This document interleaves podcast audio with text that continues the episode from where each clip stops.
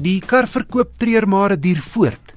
Volgens die motorvervaardigersorganisasie Naamsa is daar verlede maand 40390 nuwe voertuie van die hand gesit. 'n Afname van 9,2% vergeleke met April verlede jaar.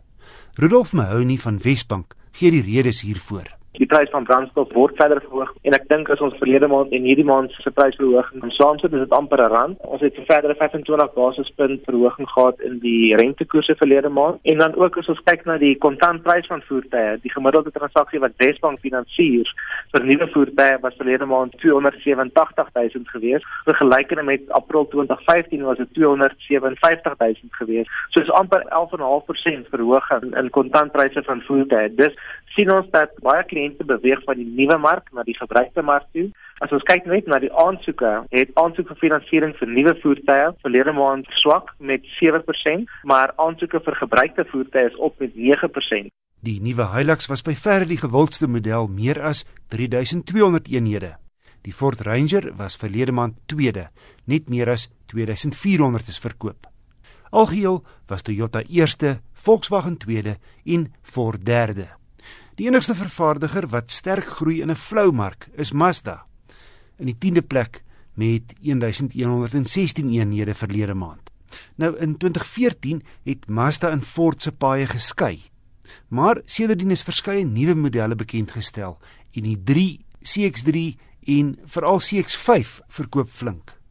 Net 68 BT50s, 'n skrale 5%, is egter verlede maand verkoop. Die bakkies word steeds by Ford se Silverton aanleg in Pretoria gebou totdat 'n nuwe model teen die einde van die jaar vanaf Thailand ingevoer gaan word.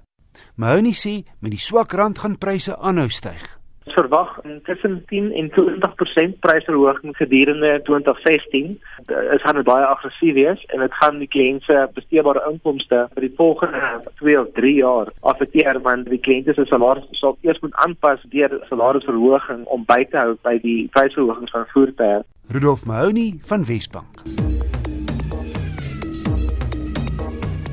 Luisteraar Stanley Klaaste vra raad. Hy ry 'n 2008 Volkswagen City Golf 1.4i. Hy skryf: "Die kar dood net onder my voet en gee so ruk as ek ry. Hy doen dit net sekere tye nie aan mekaar nie. Ek het al plakdrade, die petrolfilter en die petrolpomp vervang, maar dit maak nog steeds so," skryf hy. Die tegniese redakteur van die tydskrif Car, Nicole Lou, antwoord: ongelukkig min inligting van Stanley gekry oor presies wat gebeur tydens hierdie probleem wat hy het of die enjin nou net ruk en dan weer aangaan en of hy nou heeltemal uitsny en hy gaan staan langs die pad. Hy het gesê dit is 'n uh, 1.4i van 2008 nou volgens my kennis is dit van die laaste Golf 1s wat dan nou al met daai Polo uh, enjin uitgekom het wat ook dan brandstofinspuiting het. Ek dink dit sal beste wees as ek 'n bietjie net oor die agtergrond vertel van hoe mense so 'n probleem kan benader want daar is natuurlik verskriklik baie goed wat kan uh, lei tot 'n rukkerige enjin. Om 'n enjin glad te laat loop, het jy natuurlik nodig kompressie, lug en brandstof in die regte verhouding en dan ontsteking op die regte tyd. Ek dink in sy geval omdat die enjin normaalweg heel goed loop, hoef nie te bekommer oor die meganiese hardeware van die enjin nie. Ek sou eerder gekonsentreer dan op die brandstof toevoer en dan ook die vonkontstekingsstelsel. Stanley sê al klaar, hy het al klaar die die brandstofpomp vervang en ook die brandstoffilter wat ek dink 'n goeie gedagte is. Maar hy kan ook net 'n toets doen deur die um, petrolpyp by die enjin af te trek en dan om 'n glashouer te kry waar die brandstof kan opvang as jy dan die sleutel in die ontsteking net nou aanskakel, dan word die brandstof al klaar begin pomp. Om net te kyk hoe sterk kom daai brandstof deur en dan dieselfde tyd kan jy ook bietjie na daai brandstof en daai glashouer kyk want ons al baie gehoor van baie keer is daar 'n bietjie water in brandstof wat ook vir jou daai rukkerigheid kan gee dan verder omdat dit 'n brandstofinspuiting is, het jy natuurlik nou injectors. Nou daai injectors is nou nie so maklik om te toets om net uit te haal en te kyk nie. Dis gewoonlik maar moet jy die sein nou elke injector lees, maar dit sal mense maar moet oorlaat aan 'n motorelektriesien. As dit 'n brandstofprobleem is, gewoonlik is daai rukkerigheid redelik geleidelik. Dit is amper soos asof jy uit brandstof uithardloop. Maar as 'n probleem met vonk is, dit is asof hy net afgesny word onmiddellik. So dis miskien iets waarop hy ook kan let. Wat hy ook kan doen is miskien 'n diagnosiese toets waar die handelaar of 'n spesialis dan 'n rekenaar inprop om die ehm um, enjin beheerstelsel se kodes te lees om te kyk of daar een van die sensors is wat moeilikheid gee nie.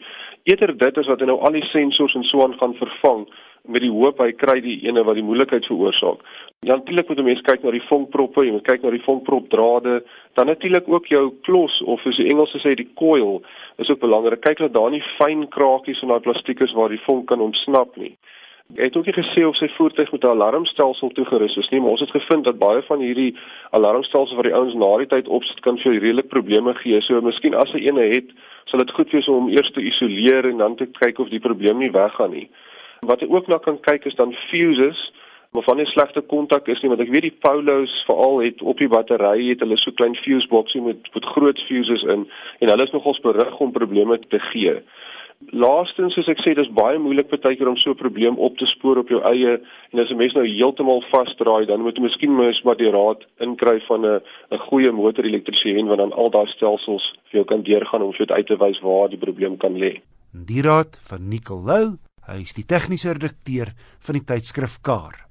Moet 'n navraag kan aan my gestuur word deur te e-pos na wissel@rsg.co.za.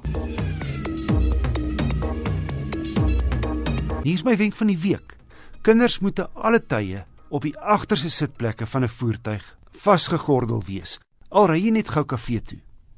En met kleiner kinders moet die deurslotte geaktiveer wees sodat 'n woelige kind nie per ongeluk of met opset die deur van die binnekant kan oopmaak nie. Volgende week weer 'n padtoets. Twee Suzuki Swift luikere in 1.2 en 1.4 word van nader bekyk.